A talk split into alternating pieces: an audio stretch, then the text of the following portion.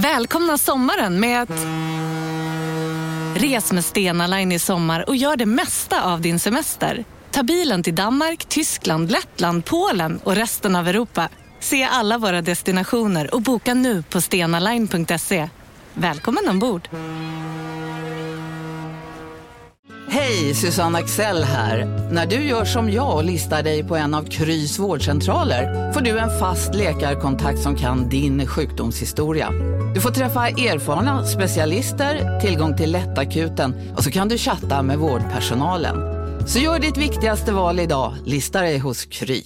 Demideck presenterar Fasadcharader. Dörrklockan. Du ska gå in där. Polis? Effektar? Nej, tennis tror jag. Pingvin. Alltså jag fattar inte att ni inte ser. Va? Nymålat. Men det var många år sedan vi målade. Demideckare målar gärna, men inte så ofta. Jag var ju liksom en deskjournalist som typ aldrig lämnade kontoret. Men jag har ju ringt en del, men jag har gjort ganska få djuplodande intervjuer som varat längre än... Jag ska säga att de är, eh, snittet var kanske 45 sekunder. Det är väldigt kort intervju. Ja, men det var inte så mycket man ville få tag på. Alltså jag var ju mest det- som sportjournalist. Då var det så här. eh, ja, jag hör, eh, du har dömts till fem matchers avstängning för slashing. Vad tycker du om det? Jag tycker det är skit. Okej. Uh, du kommer du överklaga? Nej. Okej. Typ inte, in, inga artighetsfraser. Inget... Jo, eller inte så mycket från dem.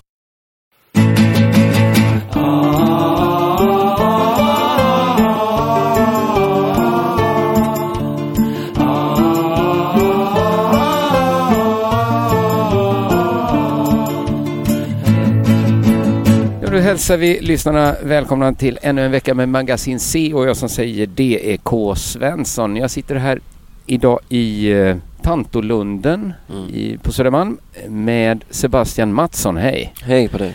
Du är journalist, Mm. poddare, Ja. du är också författare. Eh, ja, alltså man blev aldrig helt bekväm med den, med den titeln. Men jag, Jag, tänkte först att jag skulle säga författare till en bok, men då lät det som att, för då, det blir man bekväm, det kan man vara bekväm med va? Alltså för att det på något sätt tar udden av det eller? Ja, men lite, för det är ju ovedersägligt. Det, det är det vi ska fokusera på idag. Så din roll som författare och din bok som har kommit ut. Din, Den kommer snart ut. den har, ja, jag har ju läst den då. Mm, Jag har fått en mm. liten eh, vad heter det? recensionsexemplar. här. Ja, Det absolut. Ser fram emot din recension. är. jag ska inte recensera. Alla kanaler. Ja, jag- vi ska, eh, det är alltså balladen om Kalle Klick Mm. som handlar om eh, man säga, mediavärlden. Eh, ja, Ja, det får man säga. man kan smalna av det. Kvällstidningsvärlden de senaste åren. Mm, exakt. Från typ, eh, vad skulle man säga, från typ 2012 fram tills nu kanske. Mm. Eh. Från kanske att eh, sociala medier blev eh, var mans eh, egendom. Sociala blev var mans egendom och kvällstidningarna fick tillgång till eh, mätverktyg som gjorde det möjligt att verkligen eh, hur ska man säga, optimisera artiklarna så att de drog in så mycket läsare som möjligt, alltså fick så många klick som möjligt. Jo, och det låter ju egentligen helt naturligt. Ja. Att man vill ha så mycket läsare som möjligt. Men jag tänkte, jag har ju intervjuat dig förr. Mm, Eh, det kanske vissa av lyssnarna har hört. Vi, I min gamla podd Magister intervjuade jag och Johannes Nilsson dig. Mm. Och då pratade vi väl ungefär om det. Mm, Om klick och den typen av eh, journalistik. mm. Men för din bakgrund är sportjournalist Ja. med liksom inriktning på liksom det mer klickiga eh, segmentet. Ja, eh, exakt. Jag, jag, jag skrev ju om allt. Jag var ju inte sån specialiserad fotbolls eller hockeyreporter utan jag, jag skrev om allt och i det ingick att jag skrev om allt som klickade så det spelade liksom ingen roll om sporten eller personen var helt ointressant för, för det stora, den stora läsarkretsen liksom utan eh, om det var en cricketspelare som hade dött Ja. i en hajolycka då skrev jag om det trots att det egentligen var totalt ointressant. För, sport majoriteten. egentligen. Ja, och för alla sporten. som inte är släkt med. Ja, de hade, ingen, ingen kommer, hade någonsin sett den här spelaren i en match och ingen kommer någonsin se den i en match i Sverige. Men jag skrev ändå om det för att det kunde dra klick liksom. Och då är arbets... Hur ser arbetsprocessen ut? Det är att läsa väldigt mycket internationella Ja. tidningar. Ja exakt, man writes, alltså writes, rewrites, alltså att man eh, tar en annans artikel och gör en egen version av det. En slags cover. Eh, det kanske stod för, ja, nu har jag inte, men det måste varit minst 90% av det jag skrev. Ja, liksom.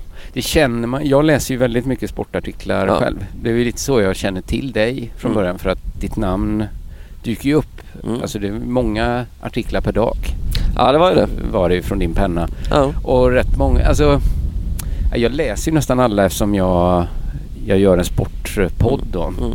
Men jag får säga, jag förstår att folk klickar på dina grejer, eller klickade då eftersom Mm. du inte jobbar med det längre. Men det är ju samtidigt, det är inte riktigt de artiklarna jag är ute efter ändå. Att så här Zlatan har kört för fort. Nej, det var ju, det, exakt, det var ju bruksartiklar liksom. Mm. Det var ju inte substansen. Och min poäng är väl att med den här boken då, som handlar om en kille som just skriver bruksartiklar, att eh, tidningarna lyfter ofta fram sina prestigereportrar och sina prestigereportage. Ja, just det. Men de här bruksartiklarna står ju för 95% av alla artiklar som skrivs. Och därför är det, tycker jag det är kul att lyfta fram just den journalistiken. För det är den som är absolut mest framträdande. Är du liksom, eller var du mer läst än, eh, säg Niva? Eh, Alltså han jobbar ju på Aftonbladet så jag vet inte exakt vad de har för siffror men det tror jag verkligen att det var. Ja. Alltså Men, absolut. eh, Inte bara om man liksom lägger ihop din... Alltså du skriver ju fler per vecka. Men Ja, känns det med också- per, per artikel.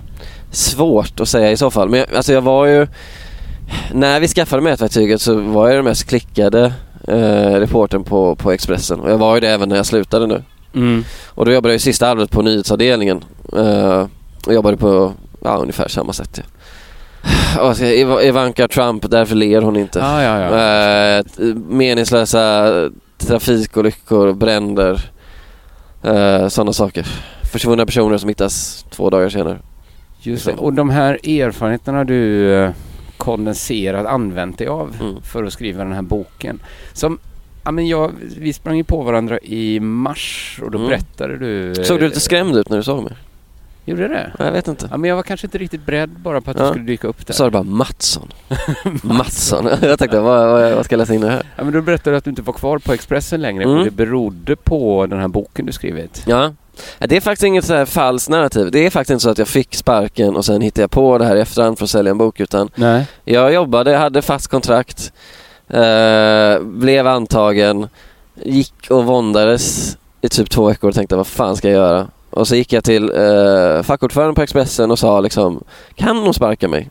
Ja. Kan jag jobba vidare liksom? Och han sa, eh, nej jag är inte helt säker men jag är ganska säker på att de kan sparka dig och referera till någon lojalitetsklausul.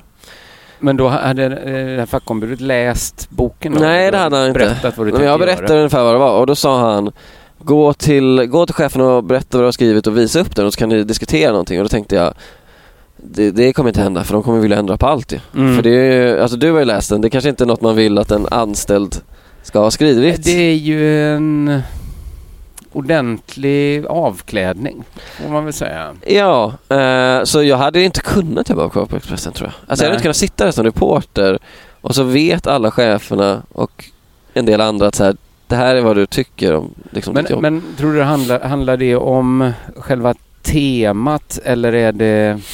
Det var ju svårt för mig som inte är kvällstidningsinsatt alls Mm. att avgöra hur mycket nyckelroman det var. Eh, jag skulle säga att det är det...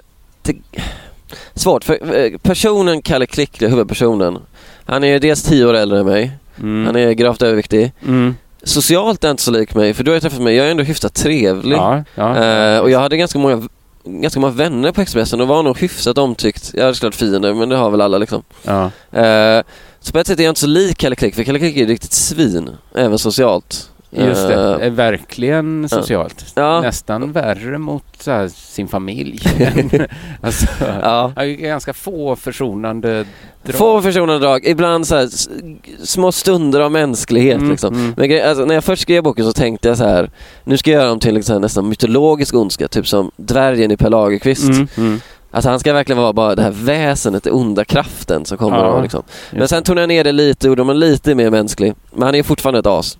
Eh, så på det sättet är det inte en nyckelroman. Men typ alla grejer han skriver, i alla fall de mest framträdande grejerna, är ju liksom exempel jag tagit från antingen som jag själv har gjort eller som mina kompisar eller kollegor på Expressen har gjort. Ja. Sen var vi en del kollegor som jag fortfarande, eller kompisar på Expressen som jag har kvar i min närhet liksom. Ja. De var lite nervösa för att cheferna skulle läsa boken och sen kolla upp vem det är som har skrivit de här grejerna och Just att det skulle det. bli repressalier i efterhand. Så därför har jag ändrat lite namn och lite sånt så att man inte riktigt kan googla sig fram till Ja, de här artiklarna och hitta dem. Men det är ändå baserat på verkliga artiklar som vi gjorde och som är ganska sjuka vinklar. Men du, man får ju ändå säga att du valde den här boken före ditt arbete då. Ja, Eh, och nu, det kanske är svårt att säga nu men är det värt det egentligen? ja men grejen är att om man, om man ska jämföra, om vi jämför dig och mig. Mm. Så du valde också att du valde yttrandefriheten framför dig. Vad ska man säga? Jag vet inte. Ja men så kan man säga. Nej men grejen, grejen var så här. Eh, jag sa upp mig först när jag hade ett annat jobb.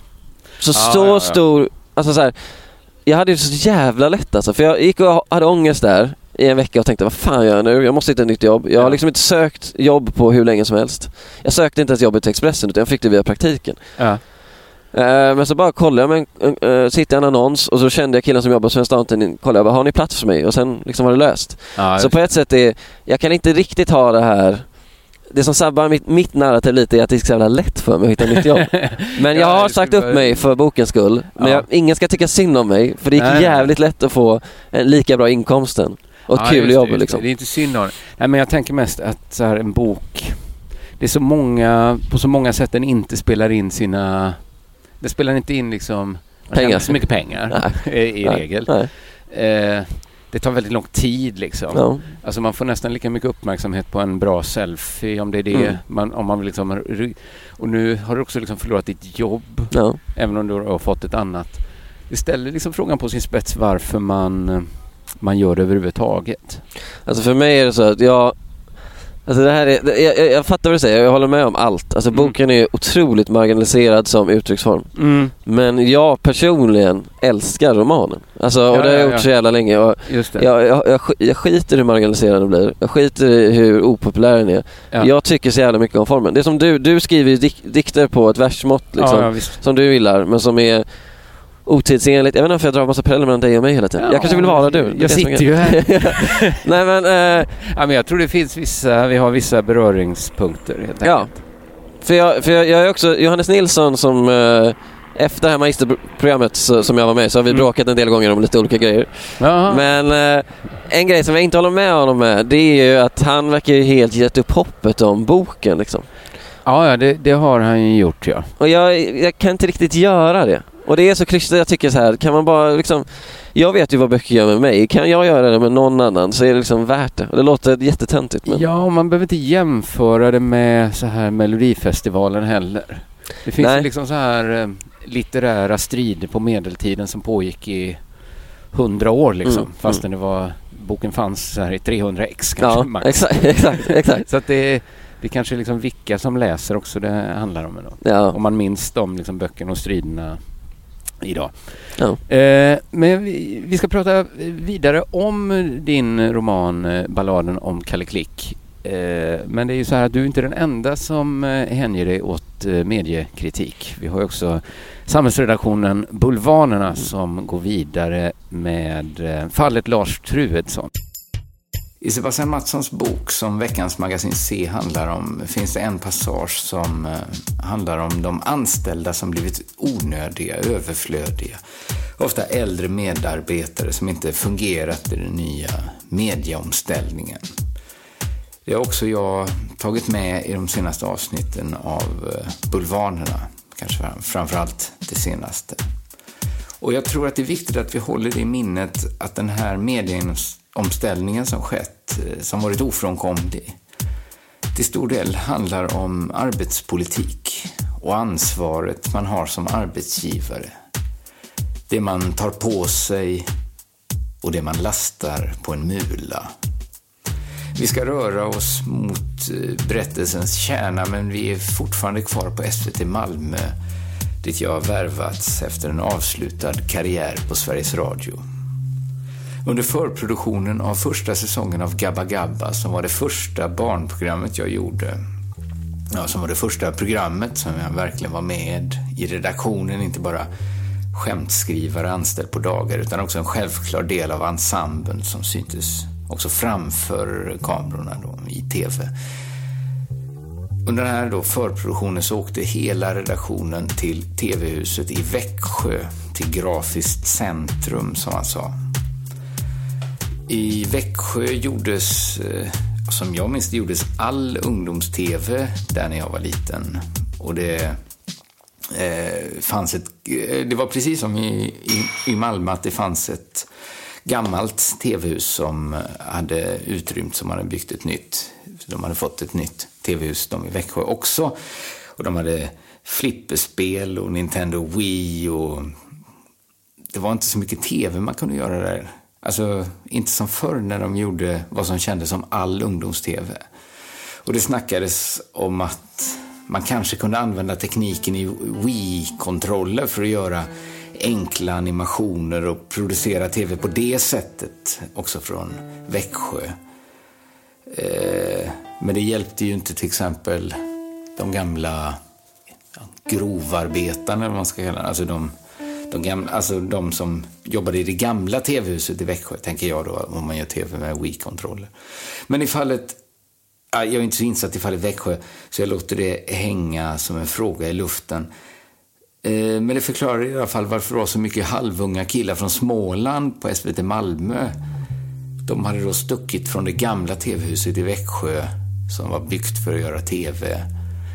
Från det då grafiskt center. Och de hade alla liksom lyckats precis pressa sig in i den, den generationen som erbjöds fasta anställningar.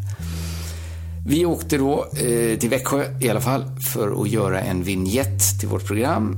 Eh, just för att Växjö hade tilldelats uppdraget att vara eh, grafiskt center. Det här är ju det ena den här artikel eh, programserien ska handla om. De personalproblem som uppstått på SVT. Den andra handlar om eh, den centralisering av den statliga, statliga medieproduktionen som ett skamlöst sker utan att någon bryr sig. Där allt mer TV till exempel då, produceras i Stockholm.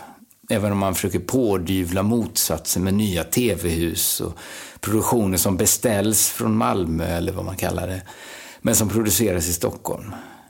Grafiskt center som ett konstigt tröstpris. När jag lite senare spelade in vignett för Sommarlov istället, som var ett annat, det andra barnprogrammet jag gjorde på SVT Malmö, så åkte vi till Stockholm istället. Och jag frågade varför vi inte åkte till Grafiskt center i Växjö. Men då fick jag veta att det visst var enklare ändå om vi gjorde det, om vi, om vi bara gjorde det i Stockholm helt enkelt. Och jag tror det hade att göra med att då var det inte så många gamla Växjöjobbare i just den redaktionen. Alltså sådana som tidigare jobbat på gamla TV-huset i Växjö. Så att då var det mer begripligt att åka till Stockholm och göra det som alla andra. I den här programserien så kommer jag att rikta sökarljuset mot radio, även om vi varit inne på TV väldigt länge nu. Eh, men radio är också något som jag har ett par års erfarenhet av. Och jag kommer att berätta vad det är som har hänt där. Och precis som i fallet SVT så handlar det om personalfrågor och centralisering. Och min ambition är att gå till botten med det här genom att exemplifiera med en man som fått en liten slant för besväret för att eh, ansvara för Sveriges Radios personalpolitik.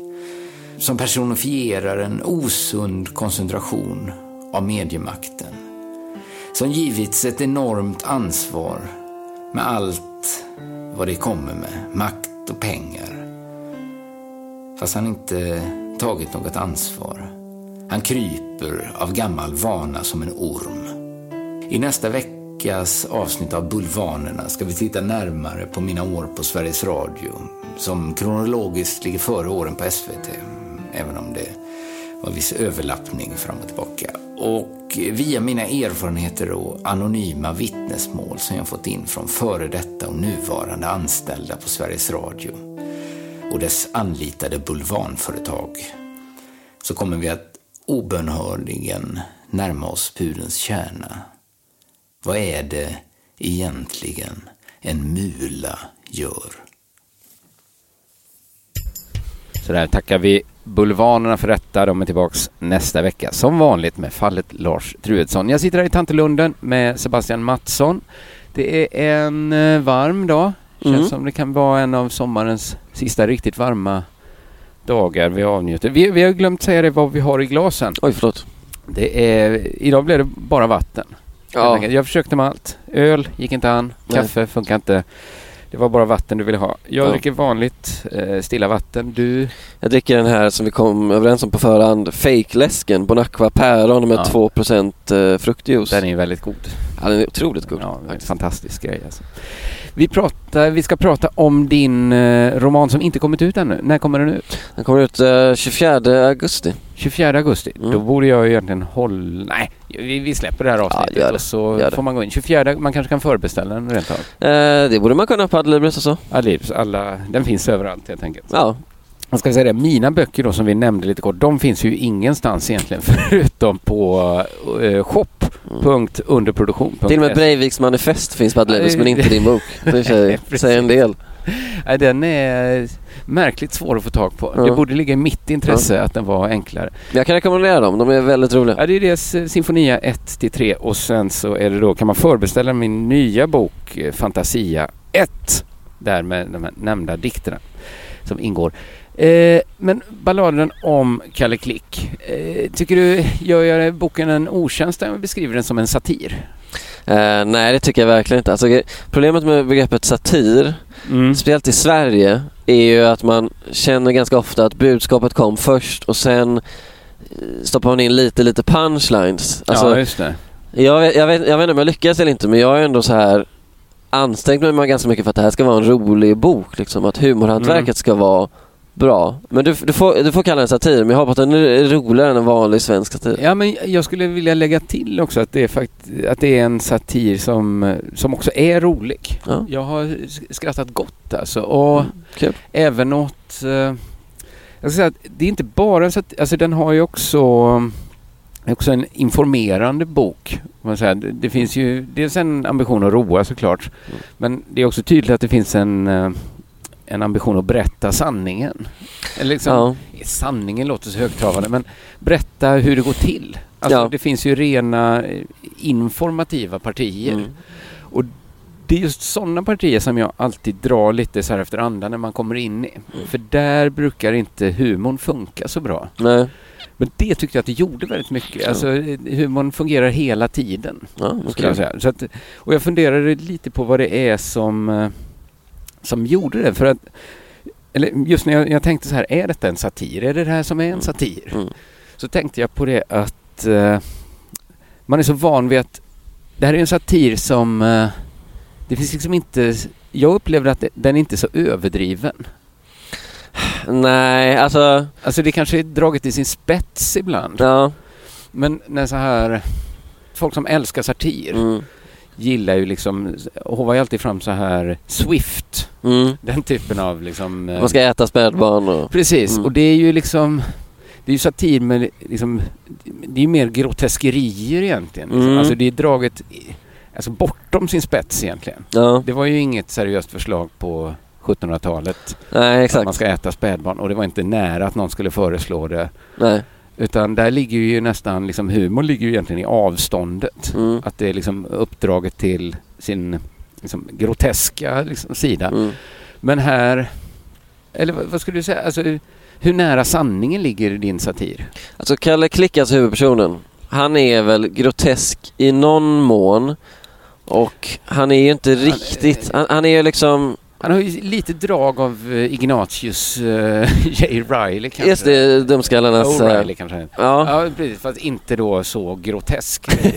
nej, han är, han är väl lite mer socialt smidig kanske, han funkar liksom i... alltså han eh, kan ju existera i den här världen. Ja, Även om man inte skulle vilja träffa han. ja. Nej men grejen, grejen är väl så här, jag har väl tagit typ de, de sämsta sidorna hos en journalist som alla kvällstidningsjournalister har Mm. och så har jag skapat en karaktär som liksom, är liksom har de sidorna framme typ hela tiden. Förstår du vad jag menar? Mm. Det finns liksom ingen, det fanns ingen Kalle Klick på Expressen. Eh, men vi hade alla Kalle Klick i sig. Ja, men för att det ska bli en effektivt berättad roman så kan jag liksom inte syssla med ambivalenser. Ja. Eh, För då, då vill jag liksom ha Kalle, Kalle Klick som verkligen var liksom den här arketypen för en riktigt- eh, arketypen för den här utvecklingen på något sätt. Ja, just det. Och sen eh, liksom, när jag skrev boken så tänkte jag också, den heter ju Balladen om Kalle Klick för att lite eh, anspela på att det är lite av en, en sagoberättelse. Mm. Och eh, namnet Kalle Klick som också Alltså är lite liksom åt kalanka Ja. hållet egentligen. Nu är det ju hans smeknamn. Ja, i- i- han heter inte det på riktigt men Nej. han kallas det. Men när jag började läsa så tänkte jag så här, ah fan också. För jag, tänkte, jag tänkte så här, vilket slöseri att han hittar på den här sagan. Mm. Att det skulle nog vara mycket bättre för Sebastian om han hade skrivit liksom dagbok från en klickredaktion. Mm. Mm. Eh, och då tog jag det från mitt... ja, Liksom ett, e- jag har ju själv gjort ett försök att skriva en satir en gång. Mm. Och det håller jag som... Ja, men jag håller det som ett misslyckande egentligen, Mm. att det blev inte så bra. Och så... Och jag, har liksom inte riktigt fattat vad, vad det inte var som blev så bra med den. Liksom. För jag har kollat på de så här delarna, jag tycker inte det är något större fel. Men, men så tänkte jag att, att jag borde, den borde ha varit sann, har jag Mm, kommit fram mm. till. Liksom. För jag tänkte det att det är det folk inte gillar idag. Att det, för min var också så här, det var ingen riktig groteskeri liksom. Mm. Men, men det var... Jag tänkte så här, den här är så nära sanningen att fo- folk kommer inte gilla den här för de, de, de skulle vilja läsa något som var sant. Mm. Inte mm. något som lika gärna, som skulle kunna vara sant. Ja. Men sen när jag läste din bok så ganska snabbt kom de tankarna på skam och, och jag, jag började gilla liksom att det var påhittat Mm. och, och, och hela den biten. Och så insåg jag nog att det handlar om att dina kunskaper är ju på riktigt. Alltså Ja. dina erfarenheter är ju på riktigt. Och det väger, I mitt fall var det så här, jag skrev om en lokalpolitiker i Norrland. Mm. Jag hade fan knappt varit i Norrland. Mm. Har ingen insikt. Mm. av liksom, allt var ju påhitt då liksom. Ja. Så att, jag, jag tror att det var det som gjorde att din satir funkar och min inte gör det. Nej, alltså, alltså, nu ska jag inte ta på mig eh, världens högsta hatt. Men jag tror det liksom, jag tror det är få i Sverige som har funderat så mycket kring klick och varför saker klickar eh, Ja. som jag. Alltså jag, jag tror verkligen jag tillhör Sverige-eliten i det. I- Och, Alltså för att jag, var, ja. ja. dels så är det ju objektivt. Om du var den mest klickade på Expressen Ja. Sport, då, Alltså jag var mest klickad på hela Expressen faktiskt. ja, Ehm, då, då tillhör du Sverige, då är du Sverige-eliten. Ja, och det, det, och, och det ser jag inte bara som ett gott betyg för mig. Alltså, det, Kanske det, inte för dig som människa, men som yrkesman måste du ju varit det. eh, så så, så därför, därför känner jag verkligen att jag, jag, jag, jag, bottnar i det. Mm. Eh, sen så, eh, jag har faktiskt låtit eh, Daniel Lampinen läsa den här boken. Daniel Lampinen är Ja. en kontroversiell eh, spelare, Ja, jag säga. jag, jag håller inte med om hans politiska åsikter Nej, någonstans nej, såklart. Det är väldigt Men, få som gör. men han håller på att terrorisera mig och har gjort det ganska länge. Just det. Och så vill han läsa boken så tänkte jag, ja. eh, Skull kan vi bara nämna, han är alltså, han har försökt göra sig känd. Ja. Och i, viss, i smala grupper lyckats Ja. också som den öppna rasisten. Och en hel del andra eh, Den nedlåtande öppna, tillmälen. öppna neandertalaren, den öppna idioten. Ja, men han är, han är en clown som är totalt politiskt harmlös, måste Ja. jag ändå säga. Jag, jag eh, kan ju i perioder vara väldigt svag för Lampinen. Så det, det är någonting med hans humor som... Nej, men han, han läste den och han tyckte ju inte att eh, eh, den var så effektfull just för att det var liksom påhittat. Och så jämförde han det med Klubben, Matilda Gustafssons Ja, just det. eh, bok. Och han sa det är inga verkliga exempel. Och då, och då tänkte jag lite på det och tänkte fan har han rätt där? Borde jag skriva liksom bara en ren faktabok? Men då kände jag att nej, det hade inte, jag hade, inte- tror inte det hade träffat lika starkt. Jag tror att få människor hade läst 200 sidor där jag liksom bara Mm. berättar om hur jag clickbaitar. Alltså, Men- jag, jag, jag, liksom, jag, jag, jag skulle inte kunna skriva den och hålla i läsarens intresse. Faktiskt. Nej. Jag tycker det är mycket bättre att koncentrera sig på ett människoöde. Men om du, nu, nu, det, det är två olika saker egentligen. Läsarens intresse och få dem att läsa hela boken. Men som klickjournalist, vad Mm. tror du om eh, att, att köpa boken och kanske börja läsa i den? Uh, Skulle ja, det gynnat dig att ha... säkert. Alltså absolut i krassa kommersiella termer. eh, men då, då borde jag ju inte ens ha skrivit en bok. Alltså, Nej, då borde du bara stanna kvar och... nej men då borde jag, alltså så här, böcker säljer ju inte så mycket. Då borde jag ha gjort något annat. så, då. ja. Alltså, eh, du borde gjort en podd om det kanske. Jag vet inte. Ja, just det. Eh, något mer lättillgängligt liksom. Jag tänkte, jag är lite nyfiken på hur du som klickjournalist då och uppenbarligen då duktig på att veta vad som är sticky och vad som folk eh, får folk att haja till och stanna upp. Ja. Hur du tänker kring hur du ska sprida den här boken. Men Mm. innan dess tror jag vi behöver något lite lättsammare. Vi ska titta in hos humorgruppen Doggarna som är tillbaka ännu en vecka med sin serie Odd och Gummimannen. Och där hör man ju Marcus Tapper som är din bekant. Fin, fin kompis. Fin kompis och eh, kollega va? Ni gör Kollega, vi gör Kolla Svensken tillsammans. Den kan man kolla in också. Men Tycker först tycker jag vi lyssnar på Doggarna. Marcus Tapper, Marcus Tapper, det är dags att sjunga blues. Jag skulle behöva mer information om eh, den här gummimannen Tapper med eller utan TH. Jag minns inte riktigt hur det var. Och, och jag tycker så här långt... Nej men lägg av och skälla då. Eh, så, så här långt tycker jag det är... Vi, vi har inte kom, vi, vi har lite kört fast i den. Vi skulle behöva mer information om Gummimannen Tapper. Men tyst. Eh, vad skulle jag säga? Förlåt. Nu slåss ju. Vänta lite. Marcus Tapper, här är ringen av guld och turkos. Den här Odd-lådan, ja. Jag öppnade den Odd Engström-lådan, men det var ja, mest Om en yogamatta är på väg till dig, som gör att du för första gången hittar ditt inre lugn och gör dig befordrad på jobbet men du tackar nej för du drivs inte längre av prestation. Då finns det flera smarta sätt att beställa hem din yogamatta på. Som till våra paketboxar till exempel. Hälsningar Postnord. Bara på Storytel. En natt i maj 1973 blir en kvinna brutalt mördad på en mörk gångväg.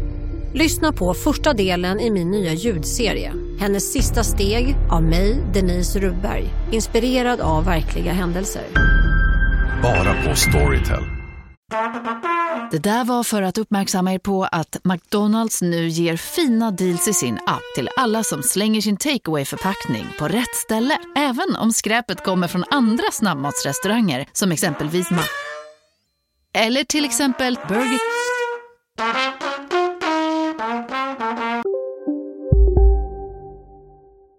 papper, foton. Ungefär som jag förväntat mig. Mycket Estonia. Men... eh, Sådär ja, då tackar vi humorgruppen Doggarna. De är tillbaks de också nästa vecka med, ja, man vet aldrig vad de hittar på. Hörru, eh, Jag önskar jag satt med en av dem så jag kunde fråga hur de tänker. Det var trevligt.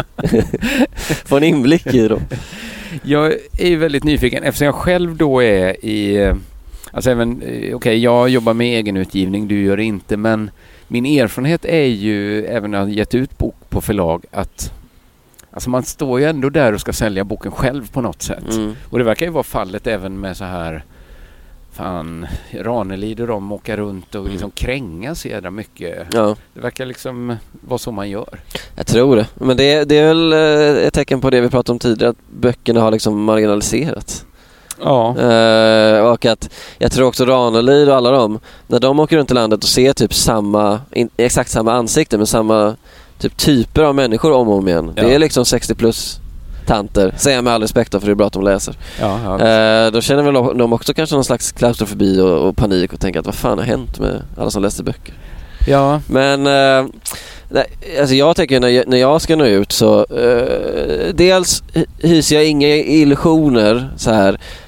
Där, där har jag faktiskt haft en liten så här, en, en bra förberedelse i och med att jag har varit klickjournalist liksom. Mm. Eh, jag, jag vet hur det är att vara läst av hundratusentals människor. Just det. Och jag vet att det kommer inte alls bli lika många som läser den här boken.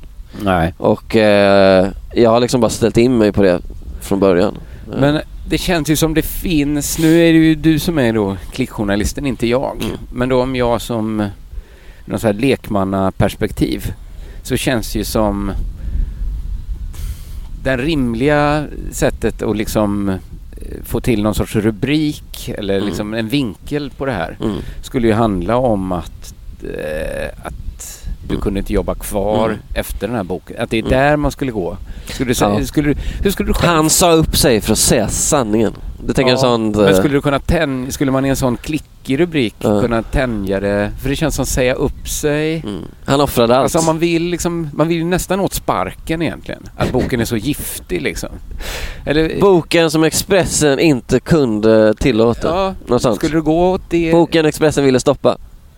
Det, där Ja, känns ju... det har de inte försökt ju, så Nej, det vore ju ren lögn. Du, Men... eh, för att jag har ju då, nästan all min kunskap om klickjournalistik kommer ju av att ha läst din bok. Va? Det känns som, det handlar ju ändå om att liksom pusha eh, liksom lite, man får vara, man ska inte ljuga men man får övertrassera vissa gränser ändå.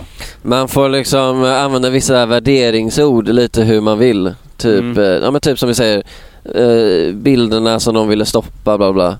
Det, det finns, en- det finns en klassisk sån formulering på kvällstidningar som jag, som jag älskar som är eh, ja men säg uh, Jill Johnson. Bilderna Jill Johnson inte vill se. Så tänker man oj vad är det? Då är det att Jill Johnson har avföljt någon på Instagram. Aha. Och exakt så. Det, är- det är det som gör att jag ändå älskar kvällstidningar. När det varken är en sanning eller en lögn.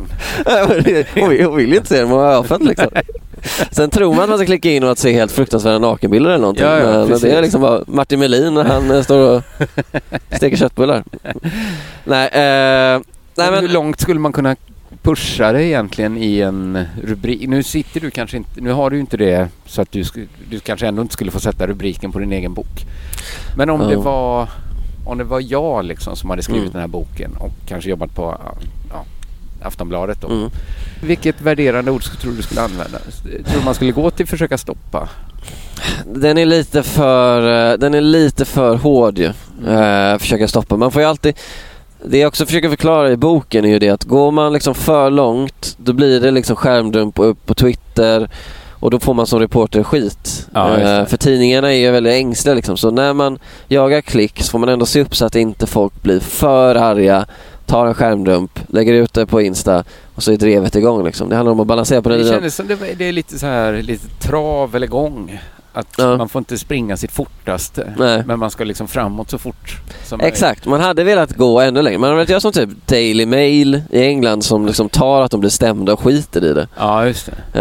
Eh, riktigt så långt har vi inte gått i Sverige skulle jag säga. Nej men okej, men eh, rubrik på eh, eh, boken som... Alltså man kan, man kan, man kan komma med en profetia Ja, just det. och den behöver man ju inte så följa upp. Så man kan säga boken som kan förinta Expressen. Ja, just det. Något sånt kan man göra. Det kommer inte hända. Men man kan ju sätta det i en rubrik. Ja, just det. Boken som kommer att ödelägga me- svenska medielandskapet. Det är i och för sig lång, långa ord för rubrik. Det blir, inte, det blir aldrig samma sak att läsa en kvällstidning igen. Ja, det är Ja, ja. Men, ja. men det är något... ja, men du tänker eh, mannen som utmanade ett helt system och vann. det är så här, också så här nonsens, men vi kan ha det som rubrik. Ja, just. Men rent, nu, nu sitter du inte riktigt i den stolen då längre. Nej. Eh, vad har du för, för liksom plan? För jag, jag är då som sagt i samma sits. Att Ja. fan ska man sälja böcker? Alltså, Ja. Det är så en vara som... Alltså det är inte själva... Om jag sa någon gång till då, nämnde Johannes Nilsson. Mm. Att, alltså att även om du ställer en låda med böcker här i Tantolunden och skriver Mm. liksom, stor, liksom stor skylt, gratis kom och ta. Så Ja. är det inte säkert att folk, den lådan är tom när kvällen är liksom Nej, verkligen här. inte. Verkligen inte. De ser det som en börda. Alltså så här, Min måste jag ta mig igenom det här tar nu? hela tiden bort böcker hemifrån. Alltså Mm. rensar hela, Ja. hela tiden. Det, det jag har som fördel, och eh, det kan man säga vad man vill om, det är ju att jag skriver om en yrkeskår som styr mediedebatten. Ja, Och journalister älskar att prata och skriva om journalistik. just det. På, och därför kommer boken, hoppas jag, bli oproportionerligt mycket uppmärksammad Mm. kontra hur många som egentligen bryr sig. Just det. Misstänker jag, för att eh, det, det är samma sak som att man kan säga att eh, film om Hollywood eh, prisas ofta av Hollywood. Ja, just det. Trots att alla andra kanske inte är lika intresserade. Alltså det, det, det finns ju en sån grej och det är väl, det är väl en, en cynisk syn från min del. Eh, och det var ju liksom inte med den kommersiella utgångspunkten jag skrev boken. Jag skrev ju den här boken för jag tyckte att det var intressant att berätta och för att jag ville berätta om det. Ja. Men nu när jag ändå gett ut den så tänker jag väl dra nytta av dem förhoppningsvis de, de fördelarna jag har i att jag har skrivit. Jag har liksom skrivit om människorna som ska debattera den. Ja. Hade jag skrivit om en annan bransch, hade jag skrivit om djurförsöksbranschen eh, då hade det hängt på att journalister var intresserade av djurförsök. Just Nu hänger det på att journalister är intresserade av journalister och det är de ju Ja, det tyvärr vet väldigt mycket. vi ju säkert att de är. Ja det, då, ja, det är bara när jag träffar journalister, det är det enda vi pratar om journalistik. Ja. Man kan ju äcklas av sig själv för man bara sitter och pratar om det hela tiden. Man tycker att man är så otroligt viktig. Det var också något som slog mig när jag läste boken. Det är ju att klickjournalistiken har ju faktiskt förändrats. Mm. Eh, eller det kommer hela tiden hinder för klickjournalistiken som måste rundas. Mm. Att nu ser man inte så mycket längre sådana här board panda grejer att eh, här är 15 bilder bla bla bla. Nej. Liksom bajsa på dig när du ser den tredje. Nej, nej den utvecklas hela tiden. Och det är det en del folk säger så här att varför skriver de klick liksom? Det är ju lästid som räknas nu. Och då säger jag ju dels att eh, jo, men lästid och klick korrelerar ganska mycket. Drar det mycket klick, drar det mycket lästid. Alltså eh, hur många minuter folk har läst dina texter helt enkelt. Eh, det, det, det kan man bryta ner dels på hur många som har läst den här, eller hur hur många minuter den här specifika texten har läst och lästs och hur många minuter den här artikelförfattaren har läst. Ja, alltså ja. alla hans eller Ja, hennes just det, just artiklar. Eh, men, och, så, och så tänker jag dels att det, det korrelerar men sen är det också ett så här tidsdokument över hur det såg ut med klickjournalistiken. Men Ja. sen måste man också fatta så här att det jag verkligen vill komma åt med min bok är ju liksom hur den datadrivna journalistiken har utvecklats. Alltså förr i tiden, säg på 70-talet, visst då, då kunde du se hur mycket en viss löpsedel sålde. Ja. Men när du liksom skrev en artikel som var inne i tidningen, då fick du på något sätt förlita dig på eh, din magkänsla, din vanliga nyhetsvärdering. Liksom. Det var det du hade när du skrev artikeln. Nu är datan så jävla rik Ja. så att varenda artikel nagelfars och du, som du tar allt i beaktande hela tiden. Eh, det är därför det är så här eh, det skrivs mycket mindre eh, om Uga- Uganda till exempel för att datan visar att det är ingen som läser. Just och det görs liksom av, av lite pliktskäl. Men förr i tiden kanske man tänkte att det här är en viktig nyhet, nu skriver vi om den. Ja, just det. Eh, så sen datadriven journalis- journalistiken har ju drivit fram den här utvecklingen och då spelar det egentligen ingen roll om det är klick eller lästid eller Nej, nej. klick bland unga eller vilka parametrar man än slänger fram utan den datadrivna journalistiken är ju här för att hamna och blir du liksom för torsk på den då blir du en Kalle Klick. Liksom. det, är så, det är så jag tänker. Det är ett av mina liksom, favoritcitat eh, som jag alltid brukar stötta mig eh, mot eh, Fran Libovic Mm. som säger att liksom, det värsta som kan hända en artist är att eh, förstå vad publiken gillar. Ja. Nu gjorde jag, ja, hon har en Ja. elegantare formulering. Ja. Men att eh, jag har alltid det i bakhuvudet själv att, att det känns så förödande att publiken är de som bestämmer. Ja. Alltså då blir det inga artiklar om Uganda. Nej. Eh, samtidigt så är det också, dels är det lite omöjligt att tänka så fullt ut. Som standup-komiker blir det ju nästan omöjligt. Att Och- vara helt opubliktillvänd. Precis. Liksom. Ja, ja. Lite blir det ju de som bestämmer men jag försöker liksom att inte låta dem helt bestämma. Men det, sen tänker jag också det kanske är det kanske är för enkelt att se det bara så. Finns det något som har blivit bättre av klickjournalistiken? Har, har den gjort journalistiken bättre på något sätt? Jo, ja, eh, det, det tycker jag. Och det, det är liksom en annan bok. Jag har skrivit om de Mm. negativa negativa sidorna men det Ja. finns ju såklart bra. Den här datadrivna journalistiken den har ju det den har gjort är ju att den har liksom visat vad folk tycker är intressant att läsa och det har ju också sina så demokratiska fördelar. Ja. Eh, om det till exempel visar att okej, eh, journalistiken är alldeles för Stockholmscentrerad. Ja, ja. Eh, det visar vår data. Vi måste skriva mer om eh, landsbygden. Just det. Då är det jättebra att den datan finns där och skjuter bak den här Stockholmscentreringen i bevakningen. Eh, och det har det till viss gjort. Jag vet att på, när jag jobbade på Expressen så var det många som pratade om att eh, kollar man våra läsare som är från landet, vi måste liksom tillgodose den publiken. Ja. Och det är ju det är en fördel. Så jag ska inte sitta här och liksom totalt smutskasta kvällstidningar och säga att allt är skit. Nej. Men sen kan det Eh. ju vara så att folk från landet vill inte nödvändigtvis höra nyheter från landet. Nej. De kan ju eh, vilja höra om Zlatans bilar också. Alltså så, så var det för mig. Jag, har, jag växte upp på landet och bodde där Ja. tills jag var typ tills jag var 21. Men och visst- jag ville ju verkligen inte läsa om landet. Men Enligt någon närhetsprincip så vill de väl... Ja, jag antar det. Eh, och de, de kanske borde det. De kanske borde få läsa om eh, sitt liv i landet och eh, skandaler på kommunnivå och eh, utarmningen av landsbygden. Även fast de inte vill det så borde de läsa om det för Ja, det är kanske det är viktigt för dem. Då kommer man tillbaks till det lite att man inte borde ge folk det de liksom visar att de vill ha. Nej, vill, ger man bara folk vad de vill ha då, då blir det bilderna Jill Johnson inte vill se Ja. av alltihop liksom. Och Det- eh, Kalle Klick, min huvudperson, är ju helt inriktad på att han vill ge folket det de vill ha och ingenting mer. Och han tycker att allt annat, all annan prestigejournalistik som görs är skit. Ja. Och jag delar inte hans uppfattning men det är därför Kalle Klick är... Kalle Klick är inte jag, Kalle Klick är mina värsta sidor. Ja, Förkroppsligad. Men en sista fråga då för att Kalle Klick vill ge folket det folket vill ha. Samtidigt som han föraktar folket, hatar folket. Hans egen drivkraft är ju egentligen narkomanens Mm. drivkraft. Eh, alltså just den här lilla endorfinkicken då Mm. av att eh, stiga på klicklistorna och varje klick är ett Mm. litet ding, ding, ding, ding. Verkligen. Sådär. Hur mycket av det har du känt av? Den här Verkligen. liksom pundarsidan av det? Nej men det är ju en ren pundarsida. För när jag började skriva boken så tänkte jag okej hur ska jag psykologisera det här? Liksom, att så här, peka på att det är de här grejerna hos Kalle Klick som gör att han behöver klick.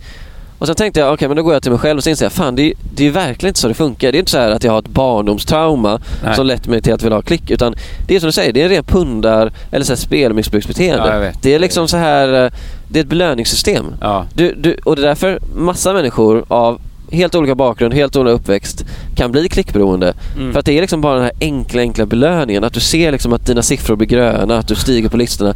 Det är liksom sån jävla kick och motsatt det är en sån jävla depression Ja. när de går ner. Och du, det kan liksom så här, min, min tjej kunde liksom se på mig på, på en dag om huruvida klicken har gått bra eller inte. För att det märktes så på mina energinivåer. Ja. Och så är det för väldigt många faktiskt. Eh, så den har jag verkligen känt av. Jag har varit en pundare för klicken. Han var en pundare för klicken. Det är också... Där har du Det är det. en rubrik. Där har du det. Ja.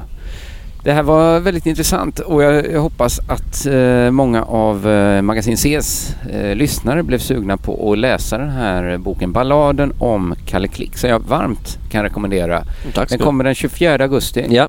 Det går säkert att eh, förbeställa på olika tjänster men annars eh, det är inte långt kvar till den 24 augusti. Nej det är det inte. Bara läs den. Bara Tack. läs den ja. Ja. Det är bra.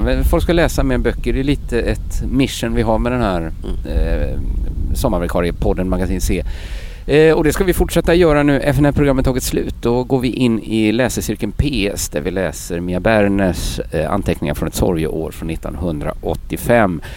Mer böcker finns på shop.underproduktion.se. Där kan man då för förbeställa Fantasia 1 eller rent av köpa direkt och få hem Sinfonia 1 till 3. Är man mer intresserad av Magasin C så finns den låsta och mycket inaktiva Facebookgruppen Kvallefiden. Så gå gärna med där. Men eh, nu tackar jag Sebastian för oss. Tack själv K. Nöje att ha dig med. Och vi går in i läsecirkeln. Så där, då tackar vi Magasin C för det och går in, ja, nu är vi i läsecirkeln PS. Så jag som säger det, det är K. Svensson. Eh, här läser vi då högt ur PS anteckningar från ett sorgeår av Mia Berner från 1985, en minor classic. Som handlar då om förhållandet mellan Mia Berner och den finländske poeten Pentti Sarikoski. Poeten och översättaren ska jag säga. Och där vi slutade länge, eh, senast, var... Ja, det måste varit... Ja, men då är liksom det här första mötet de haft, det är avslutat. Och eh, hon har ju tagit sig dit då, under inte falsk förevändning, men hon ska skriva en essay då om Pentti jag antar att- för, för någon tidning. Och eh, så hon har varit där och de har, ja, de har legat med varandra. Och, och liksom um, varit med varandra helt enkelt. Eh, och nu kommer vi då in här i... Eh, ja, nu fortsätter vi läsa. Det finns ett dokument som visar hur Pentti upplevde vårt första möte, mitt besök i Kerava. I Hanno Salamas bok om honom finns Penttis dagboksanteckningar från dessa dagar. Och de kommer då här. De är daterade Kerava 13 1975. Och det är Pentti Sarikoski som skriver då om första mötet med Mia Berner. Sinnesstämningen är tämligen lugn, men telefonjacket vågar jag inte ha i väggen, trots att det inte finns något vettigt skäl till det. Eller jag är förstås rädd att den kvinnliga svenska redaktören som jag lovat nattkvarter ska ringa. Jag har ingen lust att träffa redaktörer eller ge, eller ge någon som helst intervju. Nykter pallar jag inte för att säga någon, Nykter pallar jag inte för att säga någonting och dricker jag kan allt rasa igen. Det här är då innan hon har kommit antar jag. Det kommer ett telegram från Stockholm. Kvinnan heter Mia och hon är ofrånkomligen på väg. Känner mig fittig. Jag är tydligt nervös och har lust att supa mig full bara hon nu åtminstone är en människa man står ut med så att jag inte behöver spela över. Från arbetets synpunkt har även den här dagen varit fullt tillfredsställande. Mia Berner Öste, hon är kanske 45 år, synnerligen tilltalande. Vi pratar med som gamla vänner, sexuellt vaken. Ja, nu har han träffat henne då. Ja, mm, sexuellt vaken, frånskild. Men hon uppskattar mig. Kan jag hänge mig åt att bli hennes barn? Dricker försiktigt. Var ska jag lägga henne och hur? Nu sitter hon i köket, läser mina dikter. Anna kan inte somna. Det är barnet alltså. Imorgon far vi till Lovisa, till Claes Andersson där. Det här är ett äventyr. Hon är 52 år, men i sängen klarade vi oss fint. Fet och ljuvlig. Och nu lagar hon mat. Jag värmer bastun. När vi ätit, bara vi bastu. Så sköter vi om Anna. Så är vi på tu man hand. Mia, hon är just den jag behövt. I natt hur länge sen är det som sperman senast gick in i vaginan? Och så avslutas den dagboksanteckningen då återgiven av Hannu Sallama. Eh, och nu fortsätter jag läsa eh, ur Mia Berners text helt enkelt. Det kan inte undvikas att det blir spånor efter en resa som denna. De hamnar i norska vinduet. Ett minne är de onekligen. Vi ligger och håller om varann. Med handen i mitt sköte somnar han djupt. Jag har hans ojämna stenar i handen och följer så småningom efter. På morgonen frågar han på sängkanten. När började somnandet? Ja, ja, svarar han med ett leende. Each day finds its end. Väl nere i köket finner jag honom en mugg i handen och frågar vad dricker du till frukost? Är det choklad? Två uppvispade ägg får jag till svars. We are the beautiful people with the odd manners. Manners. Ja, jag vet inte. Jag kan inte engelska. Sen är det ett. Ja, men jag tycker vi läser på lite. Vi kan fortsätta lite i alla fall till. Nu börjar det ett helt nytt stycke. Det har varit lite vita sidor och så kommer det ett citat nu här. Uh, there came new sub, subtlety, subtlet, jag vet inte, of eyes into my tent, Ezra Pound. Fattar absolut inte, men jag är dum i huvudet också. Jag har druckit en del vin. Tre veckor efter att jag varit på besök i Kerava kommer det till mitt jobb ett telegram om att Pentti anländer till Torslanda med Helsingforsplanet imorgon torsdag. För första gången i mitt yrkesliv går jag skrattande in till mina studenter och talar om att de blir lediga eller får arbeta på egen hand de två sista timmarna av morgondagens föreläsningar. När jag till och med säger att jag ska hämta någon på flygfältet. Resten får de läsa i mitt ansikte. Sen sitter jag i lärarnas speciella korridor med telegrammet i handen och gråter. På Torslanda kom Pentti först inte alls ur planet och när alla andra passagerare var i tullen dök han upp på plattan och var nära att blåsa omkull i snövädret. Han var klädd i en jättelik skinnmössa och en knäkort bomullsrock. I ena handen bar han en slankig kasse som visade sig innehålla två par eh, kortkalsingar från Marimekko, ganska slitna och den stora grekiska ordboken samt eh, Websters Dictionary. Ännu mera medfarna. I den andra handen hade han 4000 mark i hundralappar som han tappade på golvet i taxin in mot staden. Det var hälften av det finska stadspriset som han för ett eh, par dagar sedan hade fått för sin bok om Eino Leino. Den första dagen i Göteborg sitter vi nedsjunkna i min svarta lädersoffa och talar med varandra. Talar och talar. Pentti hela tiden med något i glaset. Jag varvar med te. Vi hinner knappt eh, registrera på vilket språk det försiggår därför att vi har så mycket att säga varandra.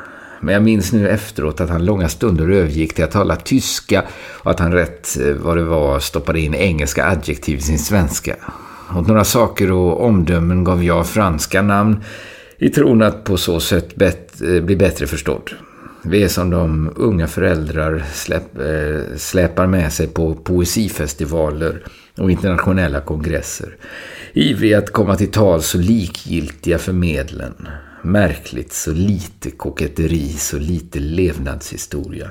Mest gäller det litteratur och främst, främst finsk litteratur. Vi gör också stora svep där Pound och Eliot och Joyce och Proust står i centrum. Vid ett tillfälle blir jag hastigt förbannad. Det är när han skäller på Kenneth Patchen som jag råkar nämna. Och sen visar sig att han inte läst honom. Penty får snabbt klart för sig att jag räknar med obrottsligt rent spel i snacket och att det här inte är en salong för konversation. Om orden har vi först olika uppfattning. Men det visar sig att vi då har talat om orden i skilda stadier. Jag har beundrat honom vid unga år, när han var förhållandevis ny och spännande. Pentti har inte läst honom särskilt väl, men irriterat sig över honom som äldre med mystikens belastande teori och praxis. När orden var som bäst framträdde också Louis, Louis MacNeese som dog vid krigsslutet. Honom läste jag gärna på den tiden då texterna endast nådde oss som stenciler men han är en okändis bland de flesta författare här och Penty har inte ens hört talas om honom. I samma veva hade jag också min Elliot-period innan han blev för monumental, skönskrivande och troende. Här har vi lätt att förstå varann. Kanske är Penty lite orättvist avvisande med tanke på mannens första verk och hans starka inflytande över modernismen. Nog ökade väl Elliot diktens revir och öppnade möjligheter som också kom Penty till del. Däremot har Penty en stor kärlek till Pound som eh, rättade Elliot i en period. Detta har vi talat med varandra om redan i Kerava. Men så är han ju galen också, säger Penty och tänker inte bara på Pounds politiska villfarelser men också på hans lättsinne. De behövde bara lossa kinesiska apelsiner på kajen så läste Pound på lådorna och gick hem för att skriva kinesiska dikter, säger han. Bortsett från att jag i hastigheten tvivlar på att man importerade apelsiner till Italien eller till USA så kan Pentti ha rätt i sak. Men Pounds stora rörlighet passar Pentti precis. På tal om någon direkt förebild svarar Pentti tveklöst William Carlos Williams och nämner även i en bisats Charles Olson. När jag frågar om Björling höjer Penty de svarta ögonbrynen och förvånar sig över att jag läst honom. Glömmer han att Björling skrev på svenska eller vad menar han? Jo, Björling var stor och viktig, säger han. Mycket. Mest talar vi här i svarta soffan om Pentis eget skrivande och om hans situation. Det står ett arbetsrum och väntar på honom. Med hela långväggen full av bokhyllor och med utsikt mot kullar och parisiska takåsar högt i tak. Fast det är inte det som är problemet. Det stadspris som Pentti just fått har delats ut till honom för tredje gången. Nu är han gråtfärdig och beklagar sig över hur Finland är på väg att krama ihjäl honom. Och att där inte finns någon utmaning att hämta. Jag måste le när jag tänker på att precis så lipade en gång Helge Krog när det gällde Norge. I mina unga armar en mörk kväll vid Fyrisån. Han hade först också varit gossen Ruda och sen allas favorit. Jag säger skitprat och försöker förklara att Pentti lider av acedia som visar sig vara ett för fint ord för den här bildade karn. Jag förklarar att acedia är den form av främlingskap inför sig själv och skapandet som följer på plötsliga eller orealistiska framgångar eller illa graderade belöningar. Sådant som Newton och Marilyn Monroe råkade ut för i sina liv. Samt att så länge han lever finns det bara en författare som han har anledning att tävla med att utmana. Och det är Pentti Sarikoski. Dundrar jag? Då flinar Pentti stillsamt under pannluggen och går ut i köket där han börjar diska efter middagen. Jag tänker säga tack, men kommer av mig och går tillbaka in i vardagsrummet. Tack säger man till en gäst som diskar, men inte till en som, eh, sedan några, som man sedan några timmar bor ihop med. När han kommer in igen från köket säger han du har rätt. Det är nu det börjar. Mitt författarskap. Det mesta har jag framför mig. Det är sista kvällen med spriten. Kan vi inte öppna en flaska vin?